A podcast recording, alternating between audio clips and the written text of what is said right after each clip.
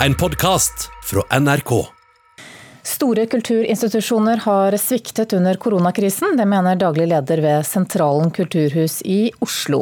Operaen og andre store og viktige institusjoner hadde tidenes sjanse til å vise hvor viktig kultur er for folk når krisen virkelig rammer. I stedet stengte de alt, sier Alf Magnus Reistad. Og han stiller spørsmål ved om de egentlig har forstått oppdraget sitt.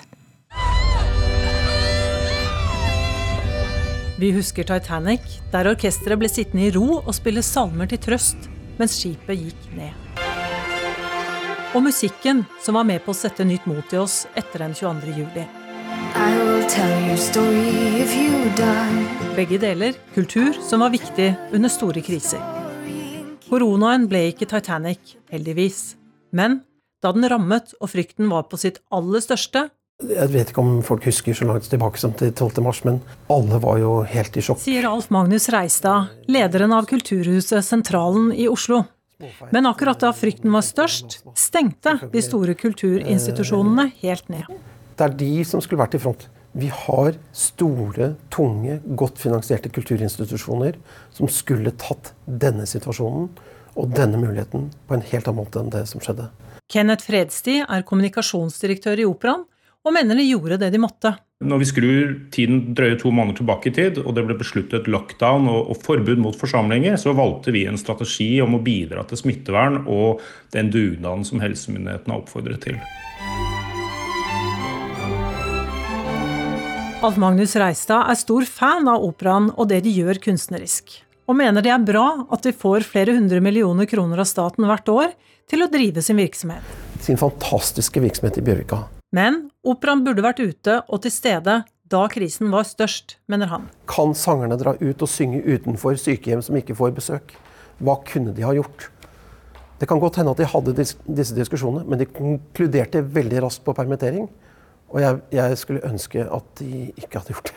Jeg tror kunst og kultur er, er kjempeviktig både når det er under kriser og, og når det ikke er krise.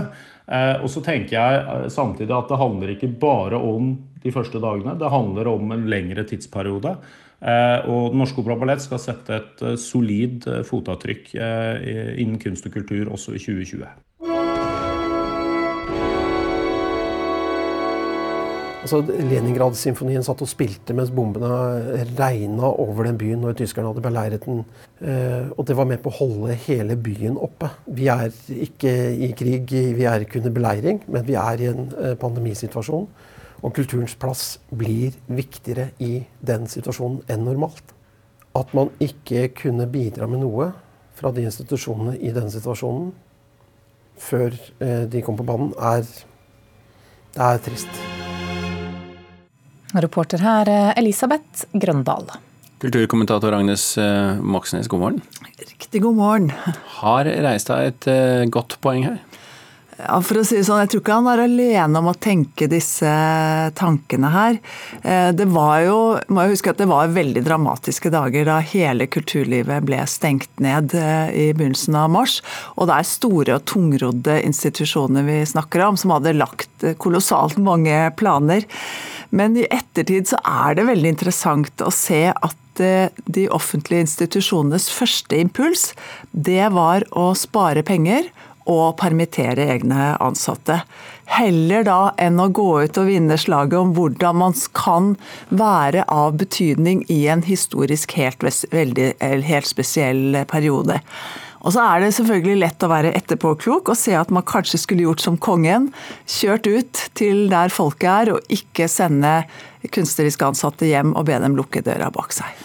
Men, men ser vi da også et, si, et slags skille mellom et, et, klasseskille i kulturlivet her, mm. mellom eh, de som er statlig eh, ansatt og de som må tjene pengene sine ved å opptre? Ja, altså De fleste kulturfolk i Norge er frilansere eller er sin egen lille bedrift. og I det store bildet så er det de fast ansatte som kommer best ut av det rent lønnsmessig. Eh, det vi har sett nå, det er at det frie kulturlivet har kjempet de politiske kampene om å sikre noenlunde, noenlunde gode kompensasjonsordninger. Mens da de store og mektige institusjonene, som i utgangspunktet har stor politisk innflytelse, har vært nokså stille også på den fronten. Så motsetningene mellom de fast ansatte og frilanserne er nok ikke blitt mindre i denne perioden her. Men har det, eh, har det har vi nå fått et inntrykk av kulturlivet som vil eh, gjøre at vi kommer at det blir strukturelle endringer da, etter, eh, etter, at vi har fått pustet enda mer etter krisen? Altså, det jo, har jo skjedd veldig mye i løpet av denne perioden her. Og, og eh, vi må huske at f.eks. da orkestrene har ikke permittert, med unntak av operaorkesteret. Og det kommer jo at de har en helt annen en helt annen forutsetning for å møte den tiden, altså den digitaliserte tiden vi lever i nå. De har spilt inn plater, de har gitt ut altså De publiserer på Spotify og på YouTube og er i en helt annen situasjon enn f.eks. teatrene og museene, som ikke har kommet langt nok eh, på eh, formidling, digital formidling. Og så kan man si at de kanskje skulle brukt denne tiden her eh, til å jobbe med de utfordringene som ligger i kjølvannet av det, bl.a. å sikre, altså ha rettigheter som gjør at et teater også kan vise forestillinger, eh, strømme forestillinger på en annen måte enn det de, de gjør i dag. Og så må det da sies at at eh, Festspillene i Bergen de eh, reiste jo kjerringa, hadde festspill eh, i år, selv om det var på en annen måte. Og de formidlet da gjennom NRK, gjennom egne nettsider og Bergen Filharmoniske Orkesters nettsider. Sånn at de har jo gjort et, et, stort sprang i hvordan man skal formidle også i, i, i, i fremtiden når publikum ikke, hvis publikum ikke er i salen. Et eksempel til etterfølgelse, er det det du sier? Ja, absolutt. Altså, det er veldig mye av det som har skjedd i disse månedene som har gått, det er jo snart tre måneder, som er til etterfølgelse. Eh, men, og, også, og derfor har det også vært veldig viktig at kulturlivet har vært på plass og jobbet i denne perioden. Og det er vel det kanskje som er det mest kritiske med at de store institusjonene lukket ned så lenge. Men så må det sies at nå er de på vei tilbake igjen på jobb eh, de fleste steder. Ok, Agnes Moxnes, eh, takk for orienteringen. I løpet av morgenen så har eh, Medietilsynet lagt frem sin undersøkelse om barns medievaner. Og Den viser at flere tenåringer enn tidligere har sett porno på nettet. Reporter Thomas Alvarstein eh, Ove, du har sett på undersøkelsen. Hva viser tallene? Ja, dette er en undersøkelse som tilsynet gjør jevnlig. og Årets rapport viser at nesten halvparten, 49% av unge under 18 år, har sett på nettporno. Andelen er betydelig større blant gutter enn jenter. Og av de som har sett porno, hadde seks av ti sett dette før de fylte 13 år. Hva sier Medietilsynet, er dette oppsiktsøkende tall? Direktør Mari Velsand eh, i Medietilsynet sier i en kommentar til rapporten at det er et tankekors at barn under 13 år har tilgang til innhold eh, som det kan være straffbart å vise til personer under 18 år. Eh, og som slett ikke nødvendigvis gir de som ser på, et realistisk syn av hva sex er. Og For første gang så har de også kartlagt hvor mange unge som får reklame for nettporno.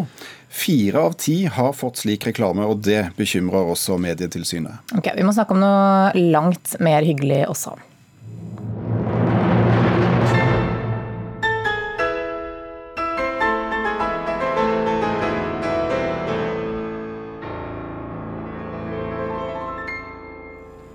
Leif Ove Ansnes og Bergen Filharmoniske Orkester skal markere at samfunnet så smått åpner igjen, og det gjør de med toner av Edvard Grieg og Thomas Loverstein. Ove, hva skal skje?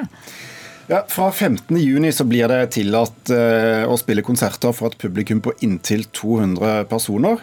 Siden denne datoen også er Edvard Griegs eh, fødselsdag, så vil Harmonien i Bergen feire gjenåpningen av Grieghallen med to konserter med Griegs musikk, selvfølgelig. Ok, Er det sånn at hvem som helst kan kjøpe billetter? Nei, dessverre kanskje. Men det fine er at uh, orkesteret vil benytte anledningen til å takke noen av de som har jobbet hardt de siste ukene med å holde eh, koronaviruset i sjakk og redde liv, eller uh, har sørget for å holde viktige samfunnsfunksjoner i gang.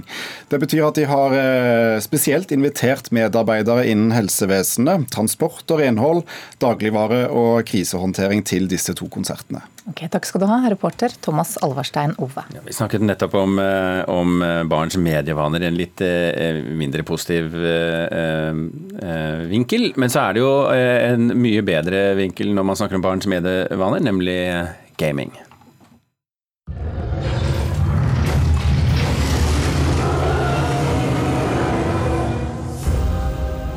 Dette er uh, lyden av uh, Minecraft Dungeons. Det er et helt nytt uh, spill som lanseres i dag. Minecraft det er jo tidenes mest solgte spill. Har solgt over 200 millioner eksemplarer. så dette her er utrolig populært. Og for dere som ikke helt vet hva Minecraft er, så kan man kalle det en slags sånn Lego, eh, et slags digitalt Lego-univers, hvor man eh, bygger eh, hva nå enn man har lyst til å bygge. Spillkritiker her i NRK, Rune Fjell Olsen, god morgen. God morgen. Skal vi ta en liten gjennomgang av fenomenet Minecraft først? Det kan man godt gjøre. Sammenligningen med Lego er jo veldig god. Her har du jo en uendelig Lego-boks Altså, Forestill deg at du kan bygge absolutt hva du vil, og brikkene tar aldri slutt. Um, det er jo en sånn voldsom uh, invitasjon til kreativitet og skaperglede. Dette spillet er jo nå elleve år gammelt, og har av en eller annen grunn uh, fenget av stadig nye oppvoksende barn, uh, og er mer populært nå enn noen gang. Og Så kan man spille det i én uh, versjon der man bare bygger og det skjer ingenting.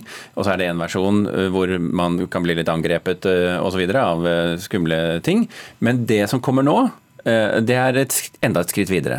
Dette blir jo på en måte en avlegger. Et uh, nytt spill uh, lagt til Minecraft-estetikken og med Minecraft-figurer og våpen og sånne ting. Uh, men det er et separat spill. Dette er en, en opplevelse som er fokusert på en enspiller Eh, del. Det er ikke noe bygging her, det er ikke noe kreativitet. Du skal inn i dungeons og slakte monstre. Og, eh, og, og, dette har man jo sett tidligere. Det er jo et klassisk dataspill som heter Dungeons and Dragons. Har det noe med det å gjøre? Bruker de det ordet av en grunn? Når man hører ordet dungeons i spillsammenheng, så får man en forventning om mørke grotter og kister med bra eh, belønninger og fæle monstre og bosser og sånne ting. Så, så, helt klart, det kommer derfra. Hva er den eh, fremste kvaliteten ved dette spillet, vil du si? Det er å spille sammen med andre. Det å dele den opplevelsen med andre er innmari morsomt. Og jeg spilte både med en eh, venn på ikke min egen litt yngre, da, en voksen, en voksen venn, og med et av barna mine. Og det, det, Begge deler var gøy. Begge deler var morsomt. Det var kanskje ekstra morsomt å spille det med sønnen min. Um, men det er herlig også når du kommer inn i en, en dungeon som dette er. Og det er vanskelig. Det er mye vanskeligere når man spiller to, for da skrus vanskelighetsgraden opp for å liksom møte at du er to, ikke sant? eller tre eller fire. Så det kompenseres jo, med, jo flere spillere det er, jo vanskeligere blir det? Ja, så da må du samarbeide godt. Du må snakke sammen og fordele lut og sånne ting. og Det er veldig gøy også. Mm. Likevel så har du eh, på, på våre nettsider gitt eh, spillet en terningkast fire. Hva er det da som trekker ned? Dette er, det er ganske vanlig i dag å lansere spill som ikke er på en måte helt ferdige ennå. Det er på en måte, De begrenser litt features og størrelse og omfang og sånt for å se hvordan det slår an, og så bygger de på etter hvert. Eh, så man ser en del sånne lanseringer som ikke kanskje er så bra som det kunne ha vært ved lansering. Og Jeg tror Minecraft Dungeons er et sånt spill. Hvis dette blir populært, så kommer de til å bygge på med flere og flere dungeons og mer og mer innhold. Eh, og da kan det også bli mye bedre. Mm, men Betyr det at dette er et spill for alle, eller er det en aldersgrense her? Altså, Det er nok morsomst for de yngste, men det er morsomt for eldre også. De som er litt barnlige i sinn? Litt barnlige i sinn. Der finnes det alternativer som er betydelig mer avanserte, som Diablo og, og sånne ting. Um, som kanskje er mer morsomt. da.